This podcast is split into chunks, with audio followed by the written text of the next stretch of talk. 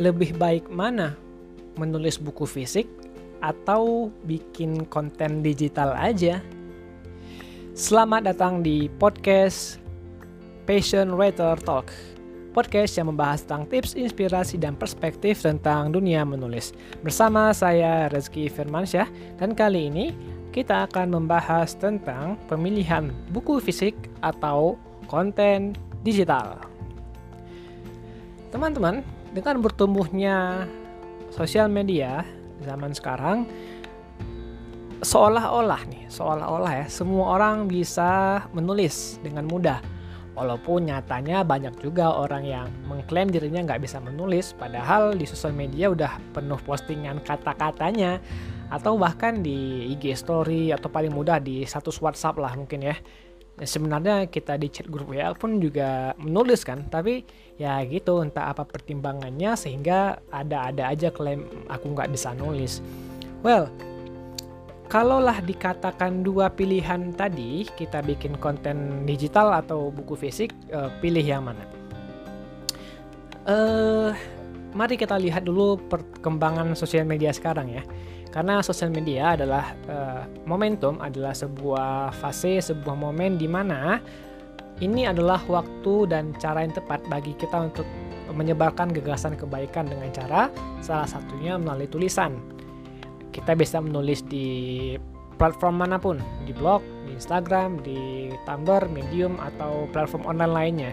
Mudah banget, kita tinggal ngeposting, kita kita tinggal butuh uh, referensi kan referensi kemudian kita tulis kita sebarkan dan seterusnya. Maybe itu bakal lebih mudah lebih instan. Kita bakal uh, mudah untuk mempostingnya lebih instan bahkan lebih mudah viral dan kita bakal mudah untuk dapatkan feedback dari pembaca kan. Sedangkan bagaimana dengan uh, konten fisik? Apakah di jurnal uh, penelitian atau bahkan buku fisik juga Bayangkan aja misalkan buku fisik dengan satu judul saja hanya tercetak 2000 buku minimal lah ya, lebih kurang untuk penerbit mayor. Kita udah bahas kemarin ya di podcast tentang milih penerbit yang mana. Tapi coba bayangkan kalau konten digital aja, konten digital misalkan kamu memiliki followers 10 ribu lah angka 10 ribu minimal yang bisa swipe up ya. Anggaplah 2000 orang yang like tulisan itu, yang suka tulisan itu. Uh, maybe akan ada muncul pertimbangan uh, kayaknya konten aku ini lebih bermanfaat deh dibandingkan buku fisik yang butuh riset, butuh effort yang lebih besar. Sedangkan konten digital yang dapat 2000 likes lebih mudah, lebih instan. Nah, apakah begitu cara pikirnya? Maybe, mungkin ya, ada aja orang yang berpikiran seperti itu. Dan saya nggak ngatain itu salah sih sebenarnya. Tapi ya benar juga, uh, sosial media membuat tulisan kita lebih mudah, lebih instan, lebih cepat viral, lebih dapat mudah feedback. Sedangkan buku ya butuh proses kan, kita butuh nulis sekian ratus halaman, kita butuh proses kepenerbitan, kita butuh modal untuk juga cetak. Hmm, so lebih baik mana dong antara konten digital sama buku fisik? Well, saya akan memberikan sebuah, saya akan membacakan ulang pendapat di sebuah akun Instagram ya, Fahmi Kasofa namanya. Jadi ini ada salah satu penulis ya, yang menarik bagi saya. Jadi dulu, dulu sekitar tahun berapa ya lupa deh, 2016 atau 2015 lupa.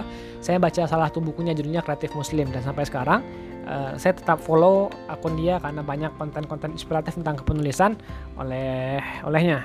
Jadi di Instagram ada seorang yang bertanya di kolom komentar Fahmi Kasofa ini. Uh, jadi dia bertanya, kadang kepikiran menulis buku itu membutuhkan energi yang lebih dibandingkan berbicara, padahal pembaca buku tidak lebih banyak dibandingkan dengan pendengar audio atau penikmat video. Tren pembaca buku makin lama juga menurun, sementara penikmat audio atau video terus meningkat. Apakah berbagi ilmu melalui buku yang ngabisin banyak waktu masih layak untuk terus diperjuangkan? He he he. Ini dari Rafiq Jauhari. Nah, kemudian Mas Fahmi, Fahmi Kasofa menjawab, kembali ke postingan sebelum ini Mas, tujuan menulis bukunya apa? Kalau para public figure, sebagai kartu nama, kalau para newbie sebagai pendongkrak authority. Jadi kembali ke masing-masing sih, media konten selain buku belum sehebat buku perannya untuk authority. Nah ini ditulis oleh Fahmi Kausofa tanggal 4 Juni 2020 yang konten judulnya adalah saya bagusnya menulis buku jenis apa di part 1. Uh, eh, kalimat menarik dari Mas Fahmi ini adalah media konten selain buku belum sehebat buku perannya untuk authority Nah, saya ulangi lagi ya, media konten selain buku belum sehebat buku perannya untuk authority. Authority itu apa ya? Sebuah pengakuan lah, sebuah kepemilikan, sebuah uh, sebuah pandangan lah untuk terhadap seseorang.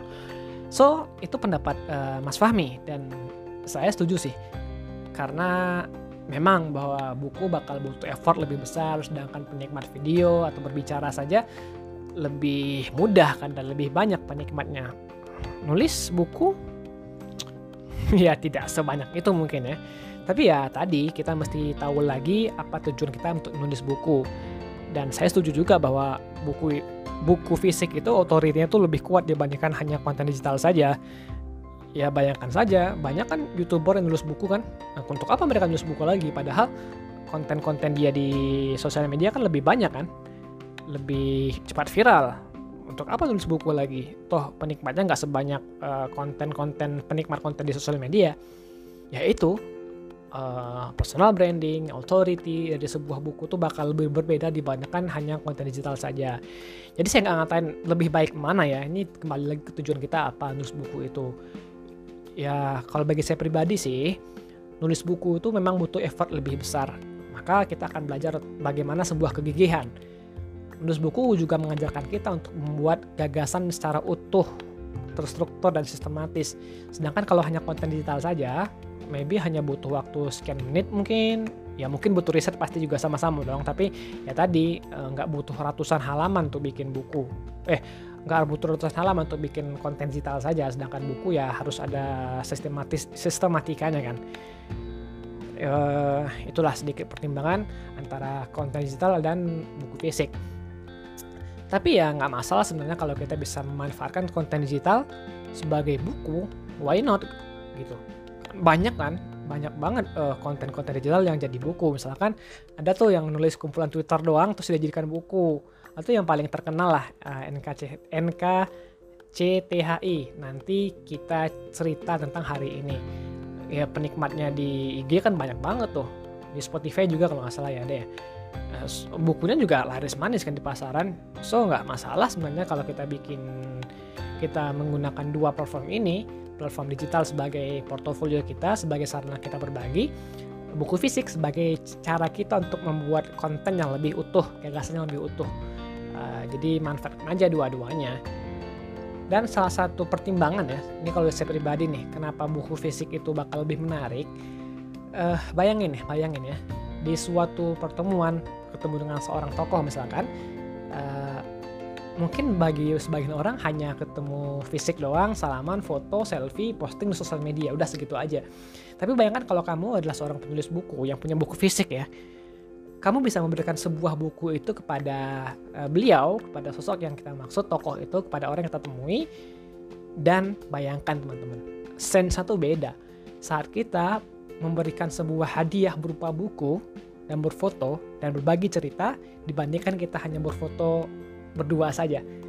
Nah ini adalah salah satu motivasi bagi teman-teman untuk menyelesaikan naskah bukunya. Apalagi naskah buku itu emang sebuah gagasan yang bisa memberikan pencerahan dan juga bayangkan teman-teman ketika kita bisa melihat sebuah buku fisik dengan mata kepala kita sendiri dibandingkan konten digital saja rasa kepuasannya itu beda sih itu deh beberapa pertimbangan dari saya tentang uh, buku fisik dan konten digital. Well saya nggak ngatain mana lebih baik mana lebih buruk tapi jika lebih baik bisa dua-duanya kenapa tidak? Dan konten digital bisa aja hilang. Uh, misalkan di blog di band dibajak dan sebagainya. Sedangkan konten fisik akan menjadi terlihat nyata walaupun mungkin ada juga potensi terbakar potensi hilang sebagainya. Simpan aja softwarenya dengan sebaik-baiknya eh, juga bikin backupnya secara fisik. Jadi manfaatkan aja sebanyak mungkin eh, platform kebaikan yang bisa kita gunakan.